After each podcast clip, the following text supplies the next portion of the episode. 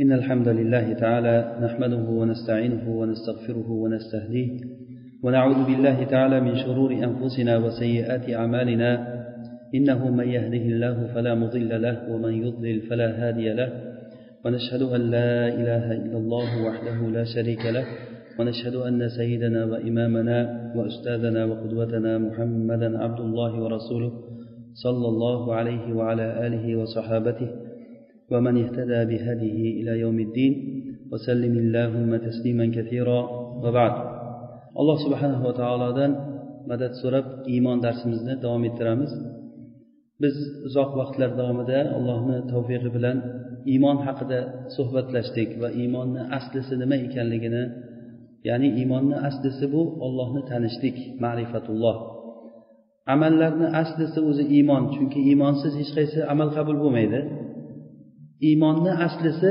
ollohni tanishlik bo'ladi ma'rifatulloh. Bu uchun ilm o'rganishlik kerak bo'ladi. Ollohni tanimasdan turib iymonni hosil qilishlik bu mumkin emas bo'lgan narsa. Ollohni tanishlik esa ollohni o'zi tomonidan tanitishlik bilan bo'ladi. Rasululloh sollallohu alayhi vasallamni alloh taolo yubordi. Ollohni tanitishlik uchun va kitob tushirdi. Alloh subhanava taolo o'zini tanitishlik uchun alloh taoloni zotini allohni sifatlarini ismlarini alloh taoloni fe'llarini ishlarini alloh taolo qanday qilib zolimlardan o'ch olgan? Alloh taolo ollohni umuman olganda sunnati yerdagi alloh taoloni xohlagan sunnati bu sunanulloh deb ataladigan narsa. Bu haqda biz ollohni madadi bilan ancha ancha suhbat qildik. Ya'ni ollohni sunnati haqida gapirdik. Ollohni sunnati haqida gapirishlik bu biz uchun ilmni bir foyda qiladiki ollohni tanishlikni keltirib chiqaradi. Alloh taoloni ishlarini bilishlik ollohni qanday zot ekanligini alloh taolo nimaga nima bilan javob berishligi. Masalan misol tariqasida alloh taolo aytadiki agar sizlar ollohni diniga yordam bersanglar alloh taolo sizlarga yordam beradi degan. Va sizlarni qadamlaringni sobit qadam qiladi degan. Muhim biz bu haqda allohni fazli bilan ancha iymon haqida suhbat qildik va iymonni hosil qilishlik haqida sidiq haqida yaqin haqida gapirdik baraka haqida suhbat qildik. Bularni hammasi mana shu iymon masalalari haqida aylanadi. Keyin rasululloh sollallohu alayhi vasallamga ergashishlik. Rasululloh sollallohu alayhi vasallamda sizlar uchun go'zal bir namunalar bor. Kim oladi u namunani? Buni kim? Ollohni va oxirat kunini umid qilgan va ollohni ko'p eslagan odamlar uchun. Bu hamma uchun emas bu narsa. Kimki ollohni va oxirat kunini umid qilsa va ollohni ko'p eslasa ana o'sha odamgina rasululloh sollallohu alayhi vasallamga ergashadi. O'sha odamni ko'zida rasululloh sollallohu alayhi vasallam bir sevimli mahbub kishi bo'lib ko'rinadilar bo'lmasa rasulullohni yonida turib ham rasulullohga g'azab qilib turgan odamlar o'tgan. Rasululloh yo'q bo'lsa ularni ichidan ketsa iloji bo'lsa shu majlisda o'tirmasa iloji boricha rasululloh bilan bitta daraxtni soyasida soyalanmaslikni xohlagan odamlar bo'lgan. Sababi nima? Ollohni va oxirat kunini umid qilmaslik bo'ladi. Va bularni hammasini bu ilmni hammasini qo'zg'aydigan narsa ollohni zikr qilishlik. Mana shu bobdan biz kirib ollohni zikr qilishlik haqida eng komil zikr nima bo'lishligi haqida va aytdikki zikrni eng komili ibodatlarda farz ibodatlarda bo'lgani. Til bilan aytilinib ham uni qalb bilan shu til nima deyotganligiga qalb bog'lanib va uni ma'nosini tushunib ixlos bilan farz bo'lgan ibodatda namozga o'xshagan hajga o'xshagan jihodga o'xshagan olloh uchun eng katta yaqinlik qilinadigan ibodatlarda ollohni eslashlik mana bu eng komil zikr bo'ladi. Deb aytgan edik va shundan keyin namozdagi ba'zi zikrlar haqida takbir tasbeh haqida suhbatlashdik salom haqida gapirdik va hajdagi labbayk allohimma labbaykni sharhi haqida gapirdik. Bular nima uchun? Ollohni zikr qilishlikni foydalari haqida. Ba'zi bir misollar bu. Hayotda biz boshqa narsalarni mana shunga qarab turib tushunib ketaveramiz. Endigi bir suhbatimiz yangi mavzu desak ham bo'ladi. Bu mavzu iymon bilan kufrni o'rtasidagi bo'ladigan aloqa ya'ni buni qisqacha qilib aytganda biz uchun bir manhajni aniqlashtirishlik. Ahli sunna val jamoani manhaji qanday bo'lishligi kerak biz nima ish qilishligimiz kerak. Ko'pchilik e, ahli iymon birodarlardan eshitib qolasiz endi nima qilishimiz kerak? degan savolni. Endi nima qilishimiz kerak? degan gapni ko'p eshitamiz. Xohlaylikmi xohlamaylikmi? Alloh taoloni sunnati munofiqlar va kofirlarni bo'lishligini xohladi alloh taolo. Bu yer kurrasi bor ekan munofiq va kofirdan e, yer kurrasi xoli bo'lmaydi. Biz shunga iymon keltirishligimiz kerak va shunga ko'nikishligimiz kerak. Alloh taolo aytadiki alloh taolo sizlarni yaratdi sizlardan kofir bor va sizlardan mo'min kishilar bor. Uchinchi odam yo'q.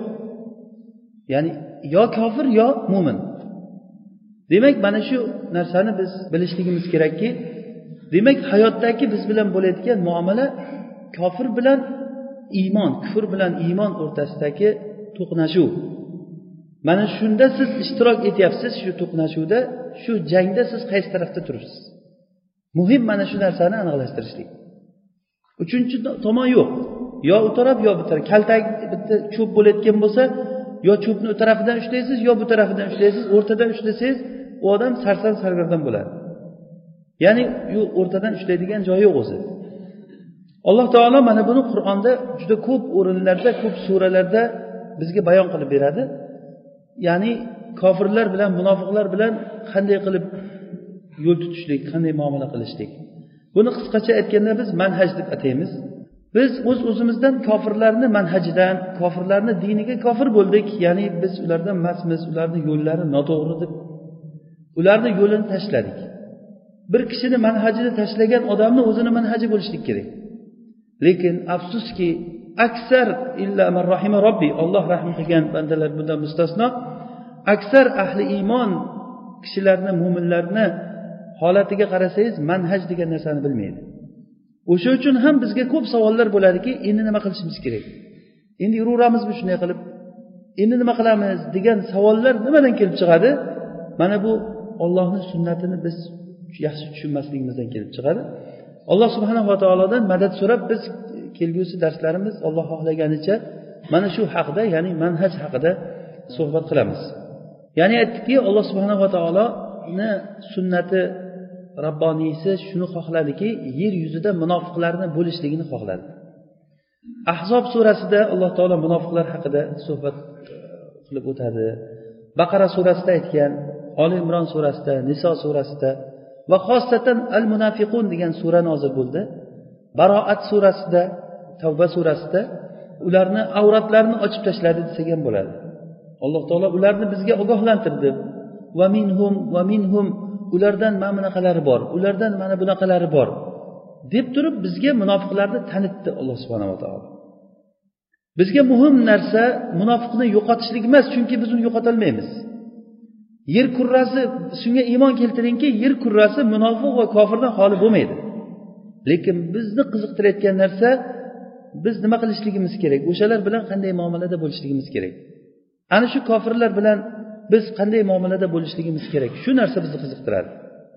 Buni qur'oni karimda ahzob surasini boshidan boshlab alloh taolo bizga buni tanishtirib o'tadi. Biz aytdikki agarda kimni bir manhaj bo'lmasa o'zini bu bir odamni misoliga o'xshaydiki haromni harom deb tashlagan lekin halolni bilmaydi. Masalan mana bu narsa harom bu narsa harom deb haromni tashlagan odam halolni bilishi kerak. Halolni bilmasangiz qanday qilib siz keyin yo'l tutasiz? Demak bu manhajni bilishligimiz juda ham zarur narsa amal qilishligimiz uchun. Quruq ilm bilan insonga foyda bermaydi uni amaliy bir ko'rinishga kirgizmaguncha. Shuning uchun ham masalan tibbiyot nimalari bo'lsin boshqa bir o'quv mutaxassisliklar o'shanda ya'ni uni ilmiy o'qib bitgandan keyin albatta amaliy bir tajribaga kirgizmaguncha unga bir ishonib bir narsani topshirilmaydi. Bizga mana shu ilmiy va amaliy kofir va munofiqlar bilan qanday muomala qilishligimizni alloh subhanava taolo bizga o'rgatdi. Masalan ahzob surasini boshida ya ayyuhan nabiyuttaqillaha va la tuti'il kafirina val munafiqin. Masalani shunday chek qo'ydi. Ey payg'ambar ollohga taqvo qiling va kofiru munofiqlarga itoat qilmang degan. Demak bizdan talab qilingan narsa kofir va munofiqlarga itoat qilmaslik. Kofir va munofiqlar ollohni yo'lidan to'sqinlik qilyaptimi? Biz ollohni yo'liga yo'l ochishligimiz kerak. Ular o'zlarini aqidasini hamma joyda gazetu jurnalu hamma joyda o'zini aqidasini oshkor baralla qo'yyapti. Ollohni manhaji bu bo'lmaydigan manhaj. Bu din hozirgi bizga to'g'ri kelmaydi. Deb ular o'zlarini xohlagan narsalarini o'zini tutadigan aqidasini ro'y rost oshkorasiga gapiryaptimi? Siz bilan biz nima qilishimiz kerak endi? Uni aksi o'zimizni dinimizni haqligini bayon qilishligimiz kerak. Bunga iymon keltirgan odam iymon keltirsin iymon keltirmagan odam iymon keltirmasin. Bu ollohni ishi bu. Ya'ni bilgan odam biladi bilmagan odam bilmaydi. Bu bilan hayot o'tib ketaveradi. Agar biz ollohni diniga da'vat qilaylik yoki da'vat qilmaylik bu bilan ollohni dini yo rivojlanib ketmaydi yo yo'qolib qolmaydi.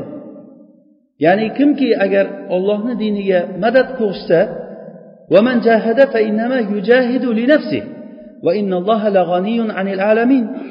kimki agar olloh yo'lida jihod qilsa u jihod qilishligi qurol bilan bo'lsin yoki qalam bilan bo'lsin yoki kalom bilan bo'lsin yoki moli bilan bo'lsin muhim olloh yo'lida harakat qilsin.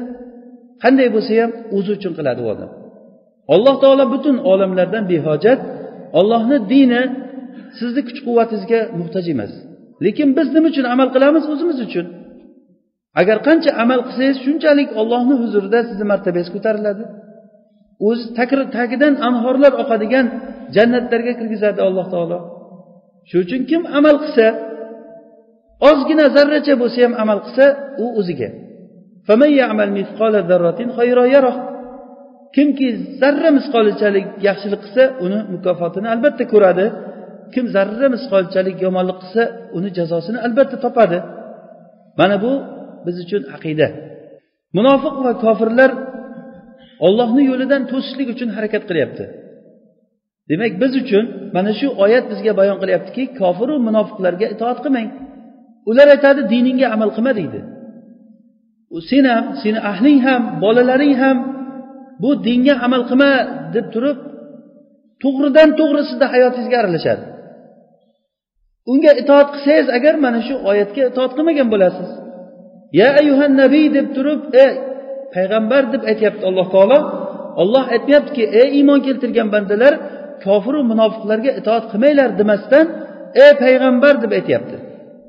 Ya'ni bu rasululloh sollallohu alayhi vasallamga bo'lgan xitob bu ummatga bo'lgan xitob degani. Payg'ambarki bunga buyurilgan bo'lsa biz eng avlo bobdan bu narsaga buyurilgan bo'lamizki kofiru munofiqlarga itoat qilmaslik. Ularga qo'yib bersa kofir munofiqlarga qo'yib bersa ular nimalarni xohlaydi? Ular o'zlariga o'xshagan bir kofir bo'lishligini xohlaydi odamlarni. Alloh taolo bu haqda qur'onda ochiqchasiga aytib qo'yibdi hatta tattabia millatahum. Yahud nasorolar siz ularni diniga ergashmagunizcha sizdan hech ham rozi bo'lmaydi. Lan degani arab tilida lam nun ya'ni hech hech degan ma'noni beradi. Yahud nasorolar hech qachon sizdan rozi bo'lmaydi. Hatto kofir bo'lguningizcha demayapti. Hatta tattabia millatahum ularni millatiga ergashishingiz kerak. Alloh taolo buni davolash uchun oyatni davomida aytyaptiki qul inna hudallohi huval huda. Ayting ey muhammad sallallohu alayhi vasallam ollohni hidoyati bu haqiqiy hidoyat.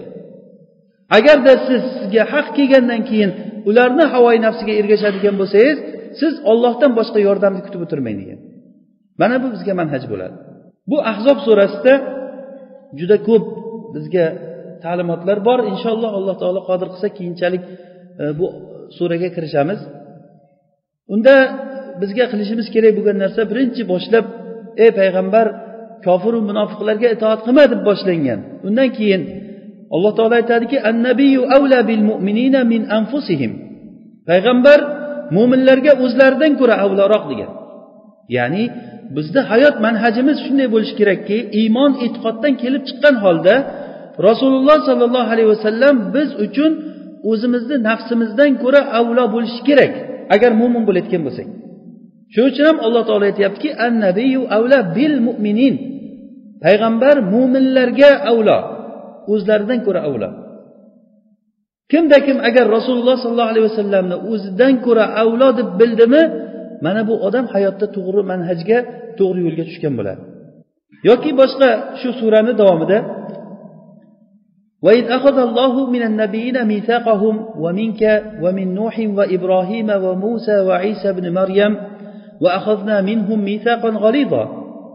alloh taolo payg'ambarlardan butun payg'ambarlardan xosatan sizdan ey muhammad sallallohu alayhi vasallam ibrohimdan nuh alayhissalomdan ibrohim muso va isadan ulul azm deyiladi bu payg'ambarlar. Mana shu payg'ambarlarni hammasidan qattiq bir misoq ahdi paymonni oldi. Bu ahdi paymon nima? Mana shu dinni omonatini sizlar ushlab turasizlar degan ahdi paymonni oldi. Buni bizga qur'onda alloh taolo bayon qilib beryapti. Bizga bu manhajki biz olloh subhanava taologa va'da bergan odamlarmiz mana shu dinni biz ikki qo'limiz bilan rasulullohni vasiyatlariki tishlab tishlaring bilan mahkam ushlanglar degan. Addu alayha bin navajiz bu dinni tishlaring bilan tishlanglar degan. Ya'ni bu deganiki juda qattiq ushlanglar degani vaqt topganda eslaringga tushib qolganda qiladigan narsa emas bu bu masala og'ir masala bu shuning uchun ham alloh taolo misaqon g'olido deyapti buni irbod ibn sariyani hadisi u kishi rohim roziyallohu anhu aytadilar va abana rasululloh sollallohu alayhi vasallam موعظة بليغة وجلت منها القلوب ذرفت منها العيون ya'ni rasululloh sollallohu alayhi vasallam bizga shunday bir balig' ta'sirli bir ma'ruza qildilarki undan bizni qalblarimiz titrab ketdi va ko'zlarimizdan yosh oqib ketdi. Biz aytdikki ey rasululloh ya rasululloh bu xuddiki vidolashuvchi kishini mavuzasi bo'ldi bu. Xuddiki rasululloh hayotdan ular musulmonlar bilan xayrlashayotganday ular bilan keyin qaytib ko'rishmayotganday gapirdilar. Shunda sahobalar ey rasululloh bu xayrlashayotgan kishini ma'ruzasiga o'xshab ketdi sizni gapingiz. Bizga nimani vasiyat qilasiz? dedilar. Qarang sahobalarni qiziqtirgan narsani. Ya'ni agarda sizni bizni ichimizda topmay qolsak keyin adashib qolmasligimiz uchun nima qilishimiz kerak? Sahobalarni qiziqtirgan narsa mana shu narsa bo'lgan. Biz o'zimizni mana shu sahobalarni holatiga qarab turib qiyoslab kimligimizni bilsak bo'ladi. Bizni nima qiziqtiradi hozirgi kunda? Bu sizdan keyin biz nima qilaylik deganda rasululloh aytdilarki alaykum bi sunnati va sunnatil xulafair roshidin al mahdiyyin min ba'di fa'addu alayha bin nawajiz sizlar meni sunnatimni mahkam tutinglar dedilar. Va xulafai roshidinlarni sunnatini mahkam tutinglar uni tishlaring bilan mahkam tishlab olinglar deganlar. Mana bu bizga berilingan ahd bu.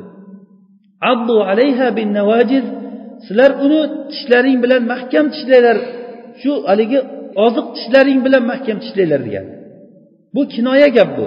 Ya'ni qattiq ushlanglar degani bizni birinchi o'rinda qilayotgan ishimiz bizni qiziqtirayotgan narsa mana shu dinni oqibati bo'lishligi kerak. Ollohni diniga men nima himoya qilyapman? Ollohni diniga nima men hissa qo'shyapman? Bu birinchi o'rinda bu o'zimizni poklashlik ollohga ertaga yo'liqamiz hammamiz. Bugun yo erta yo indin hayotimiz tugab ollohga yo'liqqan paytda siz nima yuz bilan ollohni oldiga borasiz qaysi amal bilan ollohni oldiga borasiz mana shu narsa sizni qiziqtirishi kerak. Shunda rasululloh sollallohu alayhi vasallam mana shu mavizani aytdilar. Demak bu ahzob surasida bizga juda ham ko'p bizga manhajda qilishimiz kerak bo'lgan narsalar shu oyatni davomida alloh taolo aytadiki sodiq kishilarni rostgo'y kishilarni rostgo'yligi haqida so'rashlik uchun alloh subhanava taolo ahdi paymonlarini oldi. Ya'ni sidq masalasi bu haqda biz ancha gapirgan edik. Yaqin darsimizda iymon darslarimizda sidq haqida eslaringizda bo'lsa ancha suhbat qilgan edik. Eng muhim narsalardan biri sidq abu bakr roziyallohu anhuni misolini keltirgan edik. U kishi siddiq deb nom oldilar va mana shu sidqi bilan bu ummatga u kishi ustun bo'ldilar. Alloh subhanahu va taolo muhojirlarni ulaika humus sodiqun deb sifatlagan. Abu bakr roziyallohu anhu rasululloh vafot etganlaridan keyin sahobalar bir yerga jamlanishib turib o'sha yerda rasulullohdan keyin ummatni kim boshqarishligi to'g'risida kelishib o'zaro bahs qilishgan paytda ansorlar aytishdiki bizdan amir bo'lsin muhojirlardan ham bir amir bo'lsin. Musulmonlarga ikkita amir bo'lsin. Deganda abu bakr roziyallohu anhu turib o'shanda umar roziyallohu anhu aytadilarki men o'sha yig'ilishga borish paytida o'zimcha ba'zi bir gaplarni ichimga tuyib mana buni aytaman mana buni aytaman deb ko'p gaplarni tayyorlab bordim deydi. Shunda so'zga chiqaman deb umar juda ham umar roziyallohu anhu hammamiz bilamiz jur'at bilan tanilingan kishi. So'zga chiqaman degan paytda abu bakr o'tirib turing men chiqaman degan. Mana bu paytda abu bakr shunday o'zi so'zga chiqib gapirishligini o'ziga vojib deb bilgan o'sha o'rinda. Va vojib edi ham u narsa.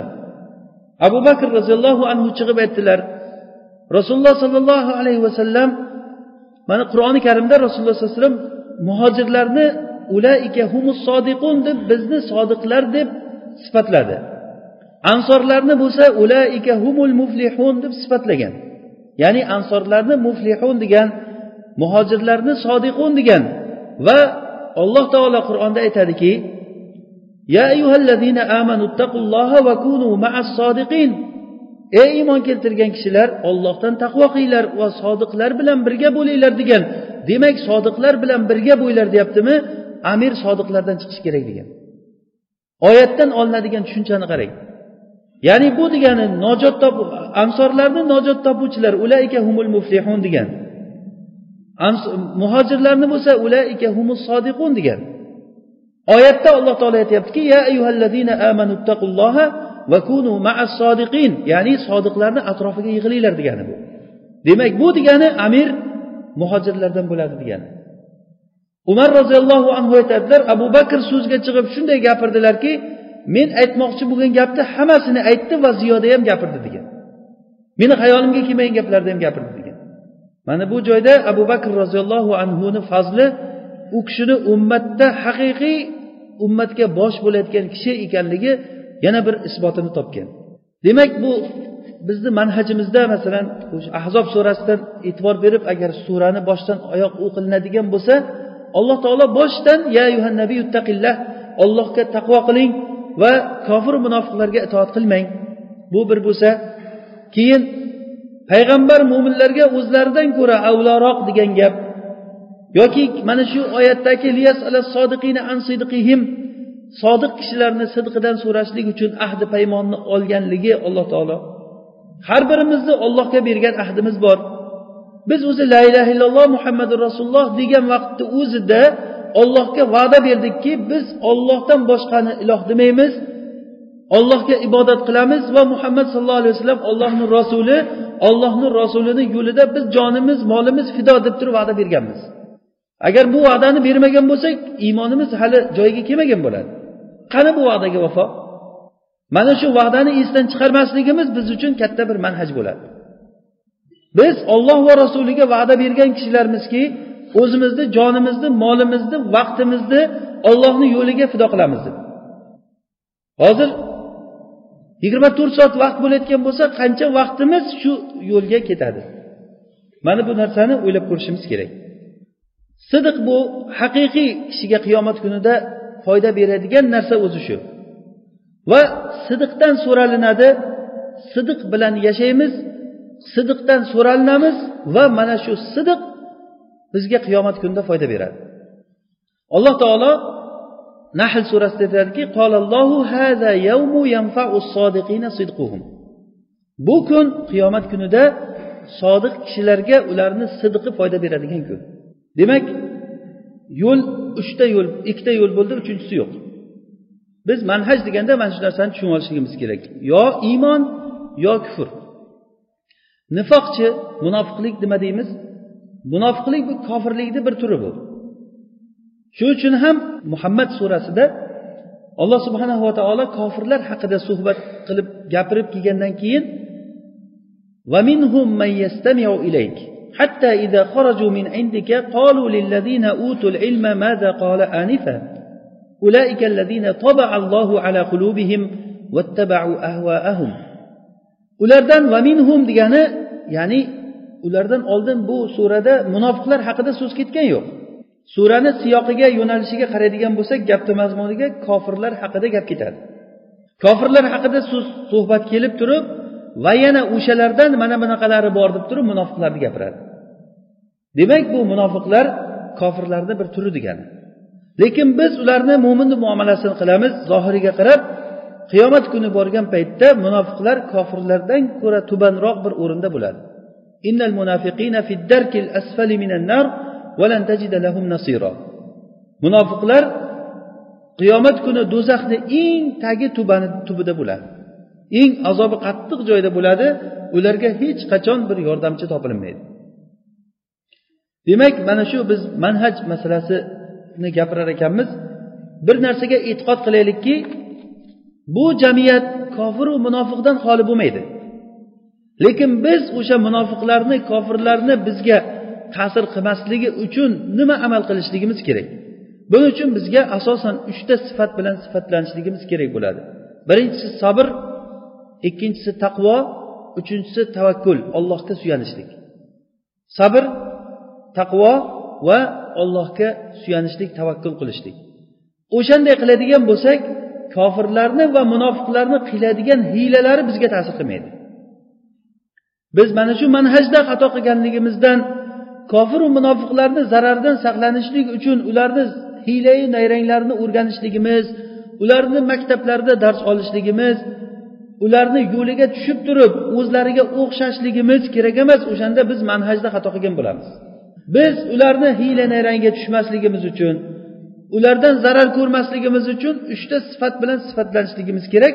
Birinchisi sabr ikkinchisi taqvo uchinchisi tavakkul bo'ladi. Alloh subhanava taolo mana shu manhaj borasida hozir biz suhbatimizni boshidan aytib o'tdikki hayotda ikki toifa odam bor uchinchisi yo'q. mo'min va kofir. Asosan bizni suhbatimiz muhammad surasida sollallohu alayhi vasallam mana shu surani boshidan oxirigacha agar o'qiydigan bo'lsak bu sura bizga hozirgi kunimizda va umuman mo'min kishiga hayot manhajini shunday bizga rasmini chizib beradi. Alloh subhanava taolo surani boshidan boshlab aytadiki allazina kafaru va soddu an sabilillahi adalla a'malahum. والذين آمنوا وعملوا الصالحات وآمنوا بما نزل على محمد وهو الحق من ربهم كفر عنهم سيئاتهم وأصلح بالهم kofir bo'lgan va ollohni yo'lidan to'sgan kishilar ular amallari adashgan odamlar demak undan keyin mo'minlar haqida gapiryapti alloh taolo birinchi kofirlar haqida gapirdi va keyin mo'minlar haqida gapirdi mo'minlardagi suhbatni keyinga qoldiramiz Kofirlar haqida suhbat alloh taolo aytgan paytda allazina kafaru va soddu an sabilillahi adalla amalahum ularni uchta sifatini alloh taolo aytdi. Birinchidan kofir bo'lganliklari ikkinchidan ollohni yo'lidan to'sqinchilik qilganliklari.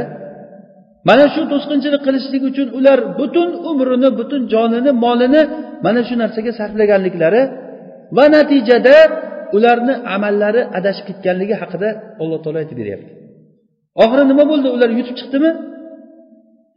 G'alaba ularniki bo'ldimi?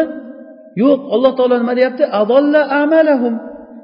Mana bu narsaga iymon keltirayotgan bo'lsak biz hech qachon kofirlarga ichim nima kofirlarga havasimiz kelib qaramaymiz. Har qancha ular g'alaba qilib ko'rinsin har qancha ular boy bo'lib ko'rinsin har qancha ziynatlarda ko'rinsin lekin oqibat alloh taolo nima deyapti? Adolla amalahum. Ular amallari adashgan odamlar deyapti. O'zi adolla degani kalimasi arab tilida dolal kalimasi adashish degani ya'ni yo'lda adashish degani. Masalan yo'ldan boshqa yo'lga ketib qolsangiz ana dolaltu fi tariq deb aytasiz yo'lda adashdim degani. Adashishlikdan ikkita katta zarar kelib chiqadi. Birinchidan masalan bir odam to'g'ri yo'lda ketayotgan paytda yurib yurib adashib boshqa yoqqa ketib qolsa shuncha yurgan yo'li bekor bo'lib ketadimi? Boshqa yoqqa ketib qolgandan keyin yurgan yo'li harakati bekor bo'lib ketadi va ikkinchisi ko'zlagan maqsadiga yetib borolmaydi qancha tez yursa qancha ko'p yursa shunchalik noto'g'ri tomonga qarab ketadi.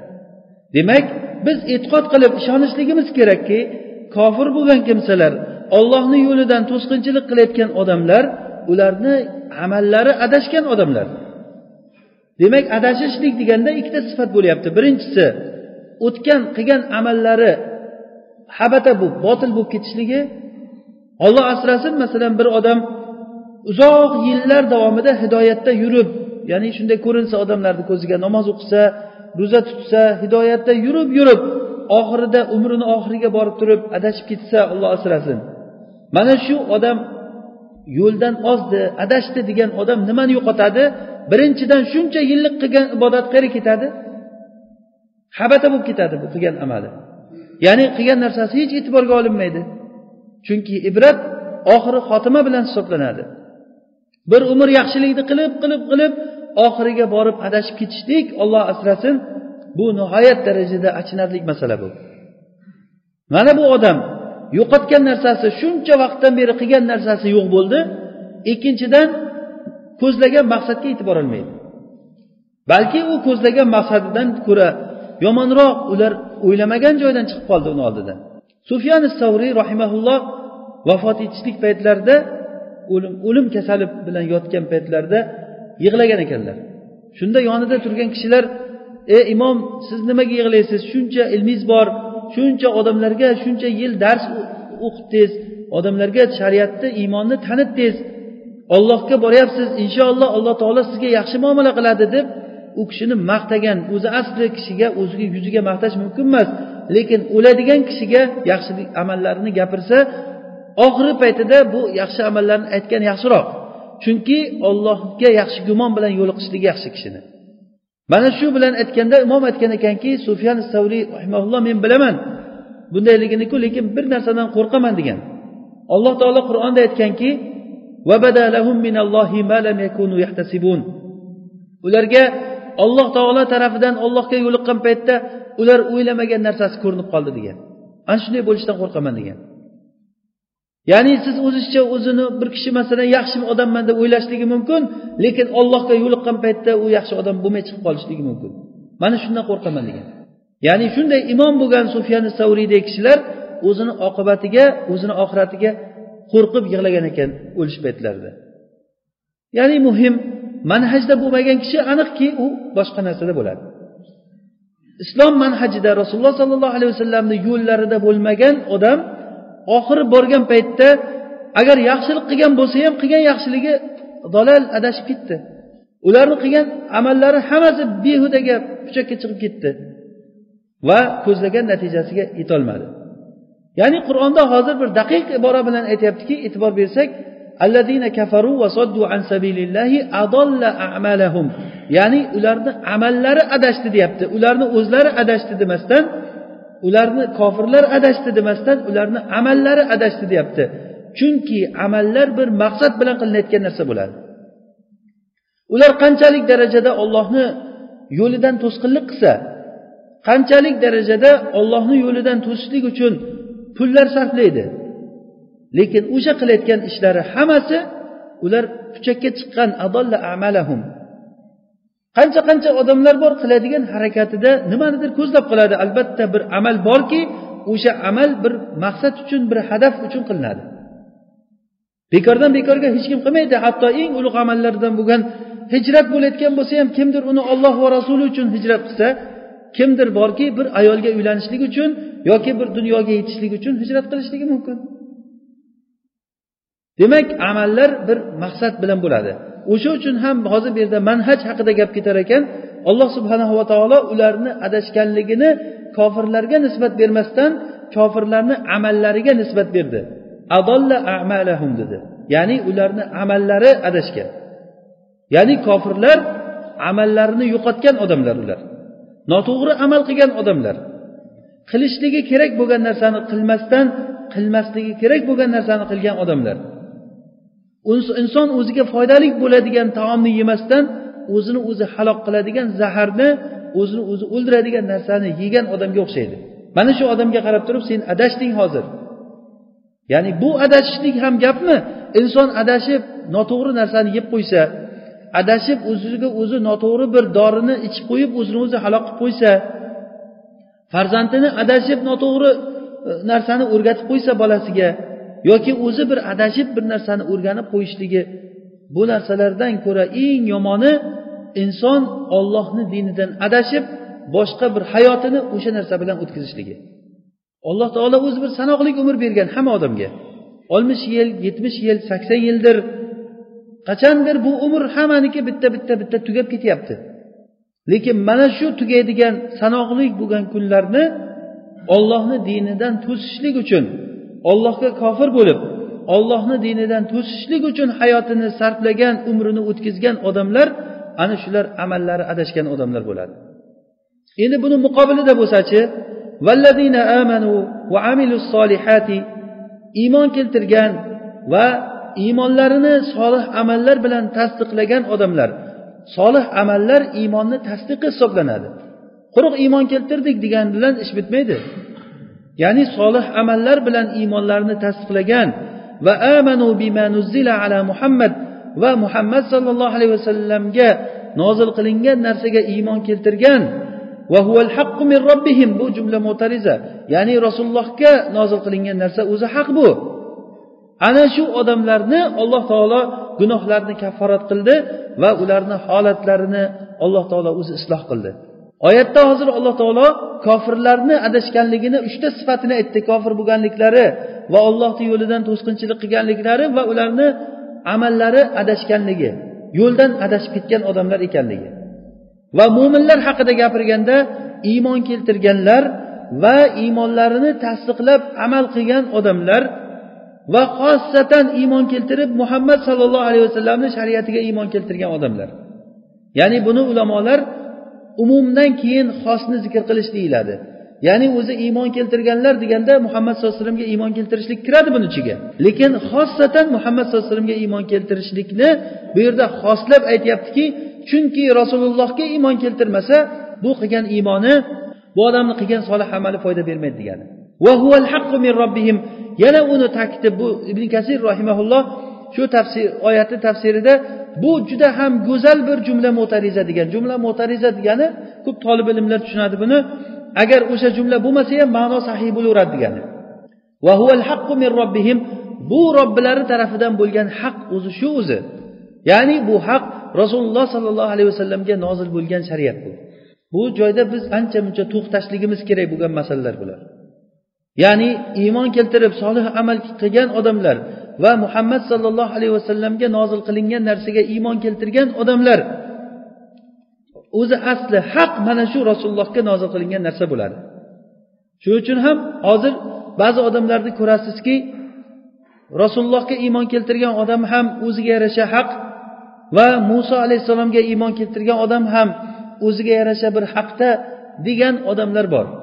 Mana shu aqidani noto'g'riligini tushuntirishlikni bittasi hozir shu yerdagi aytganimiz va huval haqqu min robbihim robbilari tarafidan tushgan haq o'zi shu muhammad sallallohu alayhi vasallamga tushgan narsa. Aynan rasululloh sollallohu alayhi vasallamni dinlari muso alayhissalomni dini iso alayhissalomni dini bitta narsa uchrasi ham. Payg'ambarlarni umuman hammasini dini bitta din. Shariatlari faqat holatlarga ko'ra boshqa boshqa boshqa bo'lib shariat bo'lib kelgan.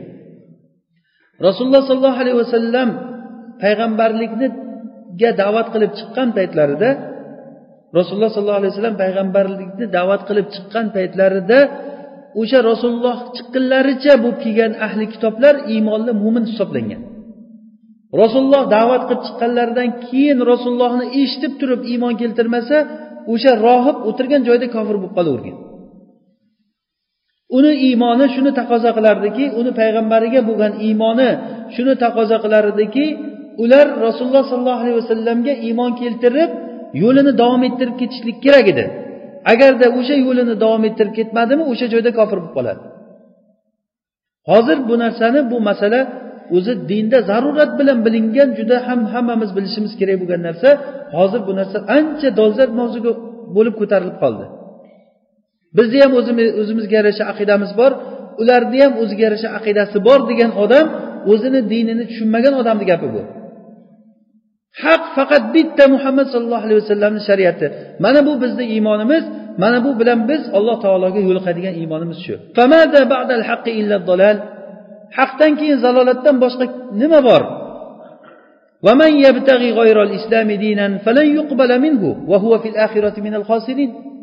Kimki agar islomdan boshqa dinni din qilib o'ziga ushlaydigan bo'lsa undan qabul qilinmaydi.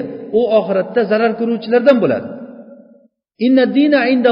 Islom din olloh subhanava taoloni huzurida maqbul bo'lgan din islom dini islomdan boshqa din bu maqbul emas.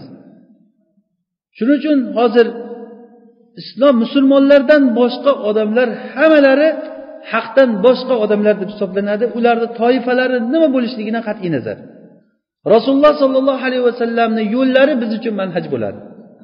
Nimani aytgan bo'lsalar shu gapni aytishligimiz nimani qilgan bo'lsalar shuni qilishligimiz rasulullohni bayrog'ini ostida jamlanishligimiz qiyomat kuni ana shu odamlar rasulullohni havzidan suv ichadigan odamlar o'shalar bo'ladi. Alloh taolo hammamizni mana shunday bo'lishlik nasib qilsin. Rasululloh aytadilarki ummatimdan ba'zi bir odamlar borki men o'lganimdan keyin ularni qaytib ko'rishmaymiz degan. Ya'ni men o'lganimdan keyin qaytib ko'rishmaydigan odamlar bor ichlaringda degan. Ya'ni bu degani do'zaxga qarab ketadi degani. Meni ummatim tohratni asaridan tohratni ta'siri bilan qo'llari va peshonalarida nur bilan qiyomat kunida ajralib turadi. Ular qiyomat kunida hammalari kelishda hovuzdan suv ichishlik uchun odamlar kelaman desa farishtalar chiqib turib ba'zi odamlarni man qilar ekan urib urib qaytarib yuborar ekan ularni.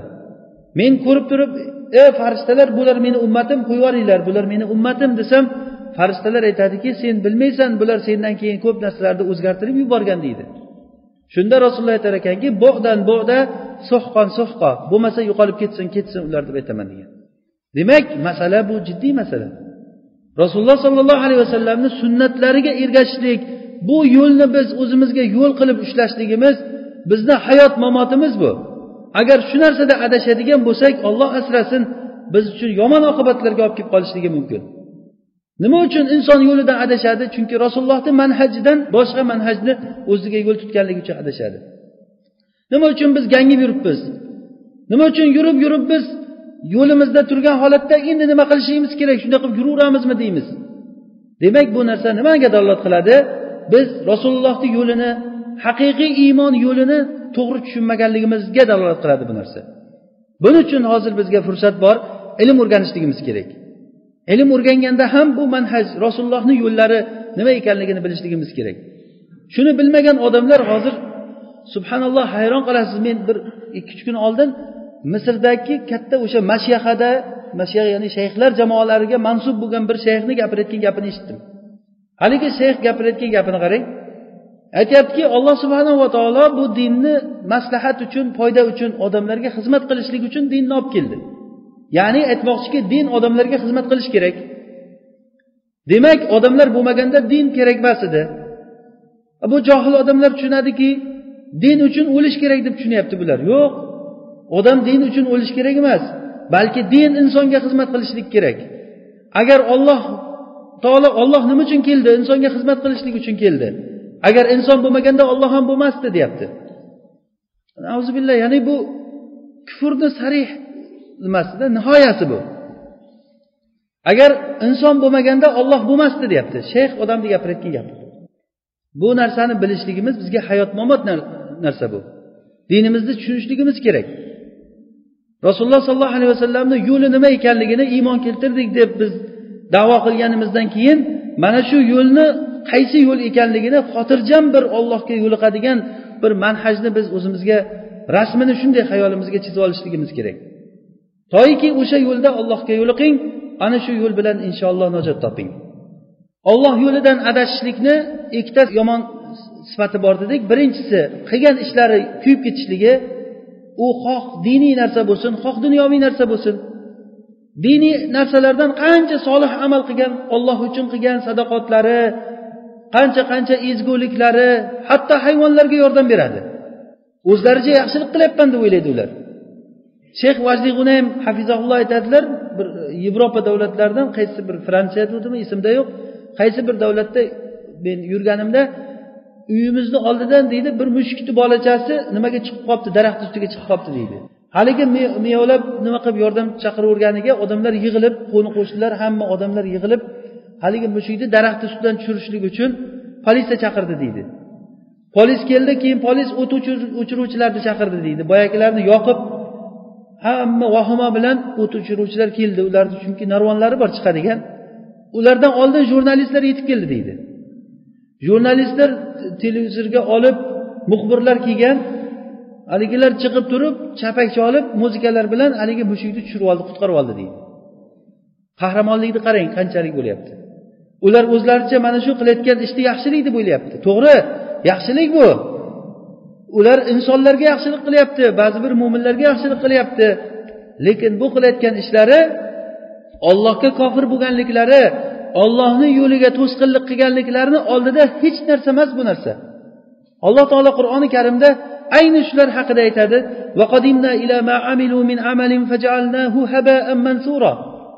biz ularni qilgan amallariga kelib ularni xuddiki shamolda uchib ketgan changdek qilib tashladik degan. Bu oxirat uchun qilgan amallari. Ammo shu dunyo uchun qilgan amallari kuchga chiqqanligi mana buni surani o'zi nozil bo'lishligi bu muhammad surasi badr g'azotidan keyin nozil bo'lgan. Badr bilan ahzob g'azotini ikkita g'azotni o'rtasida nozil bo'lgan ba'zilar uhud g'azoti paytida nozil bo'lgan deydi. Muhim bu sura badrdan keyin nozil bo'lgan. Ularni kofir bo'lgan odamlarni amallari habata bo'lib kuyib ketganligini bitta misoli makka mushriklaridan katta katta o'n ikkitasi abu jahl umayyat ibn halaf utbat ibn robia shaybat ibn robia va boshqalar bular juda katta mol sarflab odamlarga taom berib qiziqtirgan musulmonlarga qarshi urushishlik uchun.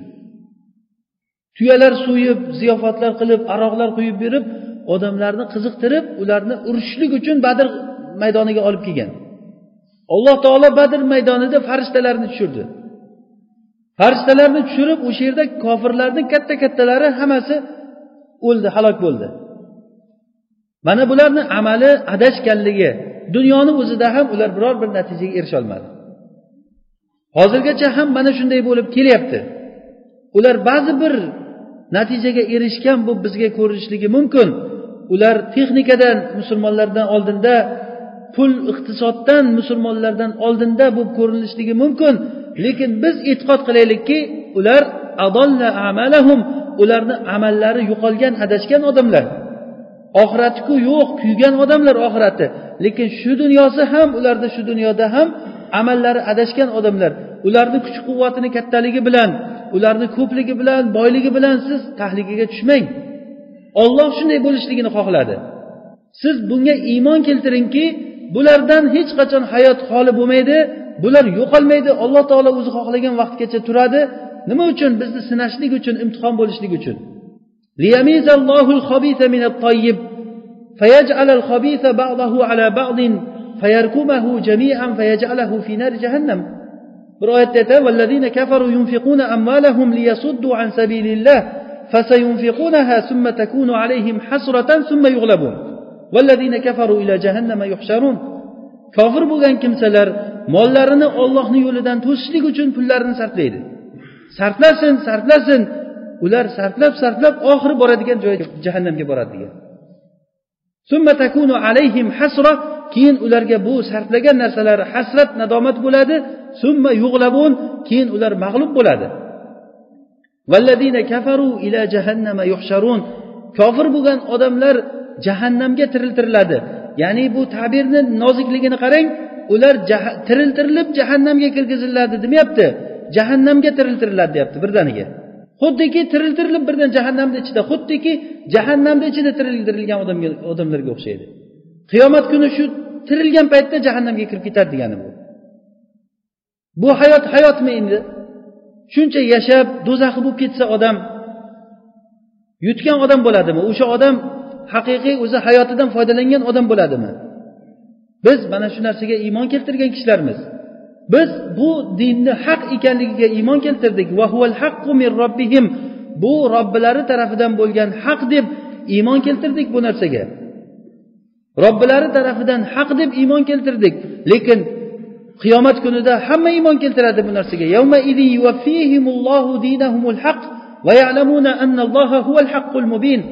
Qiyomat kunida alloh taolo ularni haqiqiy jazolarini hammanikini to'liq to'liq to'liq qilib beradi va o'sha kunda mo'minu kofir munofiq hamma odam biladi bu narsa haq ekanligini. Lekin kech bo'lgan bo'ladi. Ammo biz bo'lsa mo'minlar hozir bilamizki bu narsa haq ekanligini. Rasululloh sollallohu alayhi vasallamni manhajlari haq manhaj ekanligini. Iymonni davo qilib turib rasulullohni manhaji hozir bizni hayotimizga javob bermaydi. Talabga javob bermaydi degan mo'minman degan odamlarni ko'rib nima deyish kerak ularga? Iymonlaringni yangilanglar sizlar deyish kerak. Agar iymoni qolgan bo'lsa o'shanaqangi odamlarda. Rasulullohni manhajidan boshqa manhaj. Rasululloh sollallohu alayhi vasallamni yo'lidan boshqa yo'l bilan najot topaman degan odam bu oyatlarni gap bilan nimaga chiqadi bular?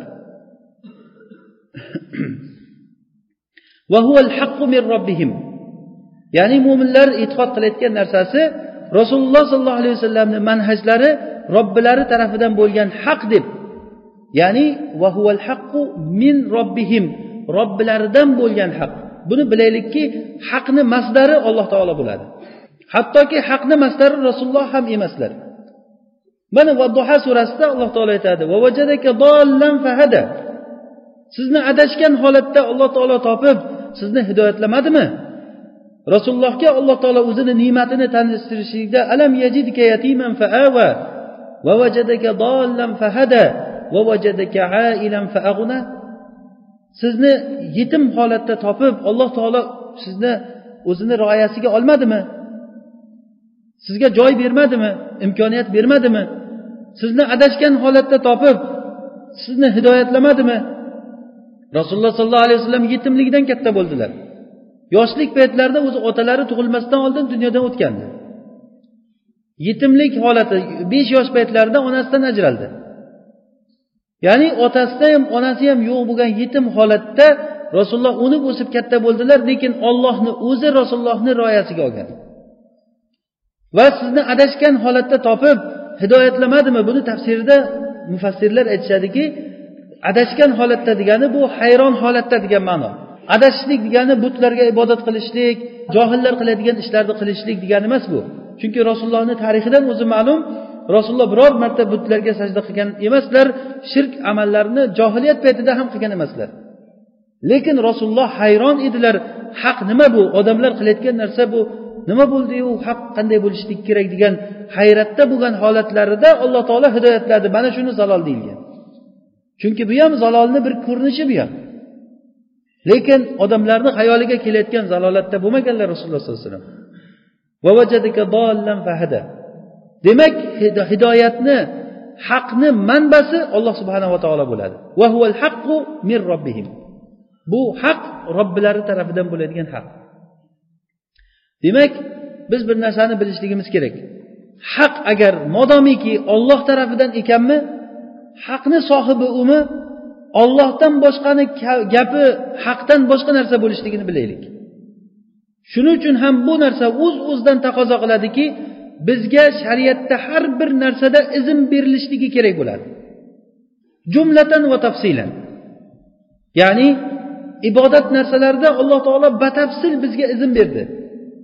Ya'ni ibodatlarda aslisi nimaga izn berilingan bo'lsa o'shani qilishligimiz. Peshin namozini to'rt rakat o'qishlikka izn berdi. To'rt rakat o'qiymiz besh rakat olti rakatga hech kim izn berolmaydi va ibodat bo'lgan narsalar ramazon ro'zasida bir oy ro'za tutishlikka izn berdi. Shu bir oydan bir kun oshirgan odam ham oldindan bo'lsin keyindan bo'lsin bir kun oshirgan odam ham bidat ishni qilgan bo'ladi. Haj ibodatlarini olasizmi va boshqa boshqa ibodatlarni olasizmi? Har qanday ibodatda alloh taolo izn bergan joyda izn bergan shaklda qila olamiz undan boshqasini qilolmaymiz va muomalatdagi bo'lgan narsalarda izn bunda kengroq bo'ldi. Ya'ni alloh taolo butun osmonlaru yerdagi narsalarni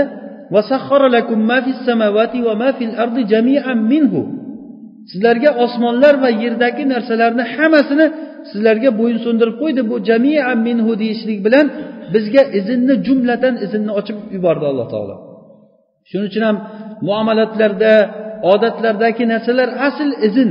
Ya'ni bizga nima qilsak ham izn berilingan illo mumkin emas narsalar aytib qo'yilgan.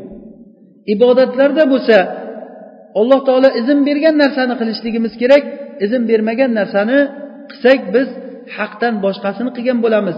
Hozirgi oyatdan kelib chiqib aytamizki buni vahuval haqqu min robbihim ya'ni haq olloh taolo tarafidan bo'ladi.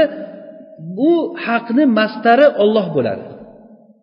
Ollohdan boshqa hech kimni haqqi yo'q. Mana uni qil yo mana buni qilma deyishlikka hech hech bir kishini haqqi yo'q. Hatto rasululloh sollallohu alayhi vasallam ham mana shu abduha surasidagi oyatdan kelib chiqadiki sizni adashgan holatda topib olloh hidoyatlamadimi degandan bilamizki hidoyat haq bu mastari olloh subhanava taolo bo'ladi. Hidoyatni mastari olloh subhanava taolo bo'ladi. Rasululloh sollallohu alayhi vasallamda bo'lganda edi hidoyat agar amakisi abu tolibni hidoyatlagan bo'lardi. Abu tolib o'lgan paytda rasululloh sollallohu alayhi vasallam achinib yig'ladilar amakisiga. Chunki rasululloh bilan qirq ikki yil birga yashagan. Qirq ikki yil rasululloh sollallohu alayhi vasallam o'sha besh yoshda yetim qolgan bo'lsalar besh yoshdan boshlab abu tolib rasulullohni boqib nima qilgan. Dastlab e, buvalari abu muttolibni qo'lida qoldilar. Keyin abdu muttolib ham dunyodan o'tgandan keyin abu tolibni qo'liga qolgan. Chunki abu tolib juda ham yumshoq mehribon kishi bo'lgan. Abu tolib o'sha o'g'illarini ichida abu tolib yumshoq bo'lganligi uchun ham abu lahabga yo boshqa o'g'illariga ishonmasdan rasulullohni o'g'li abu tolibga berib ketgan. Ya'ni ollohni bu rasulullohga bo'lgan inoyatidan bo'lgan. Muhim abu tolib iymonga kelmadi. qirq ikki yil rasululloh bilan birga yashagan odam iymon kelmadi. Hatto o'lgan paytda rasululloh juda achinib yig'lagan paytlarida alloh taolo qur'onda oyat nozil qildiki innaka la tahdi man ahbabta. Siz o'zingiz yaxshi ko'rgan kishingizni hidoyatlay olmaysiz.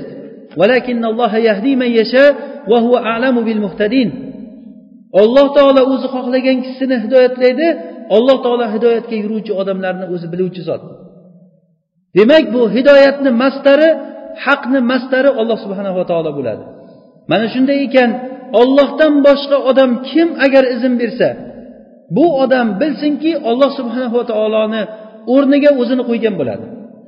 Kimki agar qul man harrama zinatallohi akhraja liibadihi vattayyibati minar rizq alloh taolo tushirgan rizqlarni toyibotlarni kim harom qiladi buni?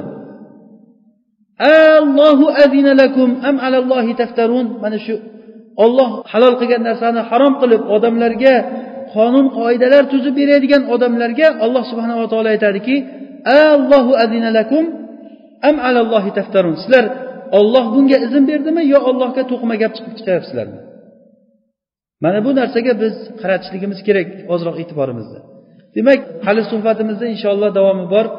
Bugungi darsimizdan e, xulosa shuki biz rasululloh sollallohu alayhi vasallamni hidoyat yo'llarini o'zimizga manhaj qilib olishligimiz kerak. Biz hayron bo'lgan dovdirab qolgan nima qilishligini bilmay qolgan ummat emasmiz. Bizni qo'limizda rasulullohni sunnatlari bor robbimizni kitobi bor. Mana shu kitobu sunnatdan o'zimizga hayotimizga nur olib hayotimizni rasululloh sollallohu alayhi vasallamni manhaji ustida rasululloh sollallohu alayhi vasallamni qanday yashagan bo'lsalar mana shu hayot manhaji ustida yashashlikka harakat qilishligimiz kerak. Kimki agar hidoyatga qarab yursa alloh taolo uni hech qachon harakatini zoyi ketkazmaydi ya'ni hidoyat sari yurgan odamlarni alloh taolo yana hidoyatiga hidoyat ziyoda qiladi va ularni taqvolarini alloh taolo beradi.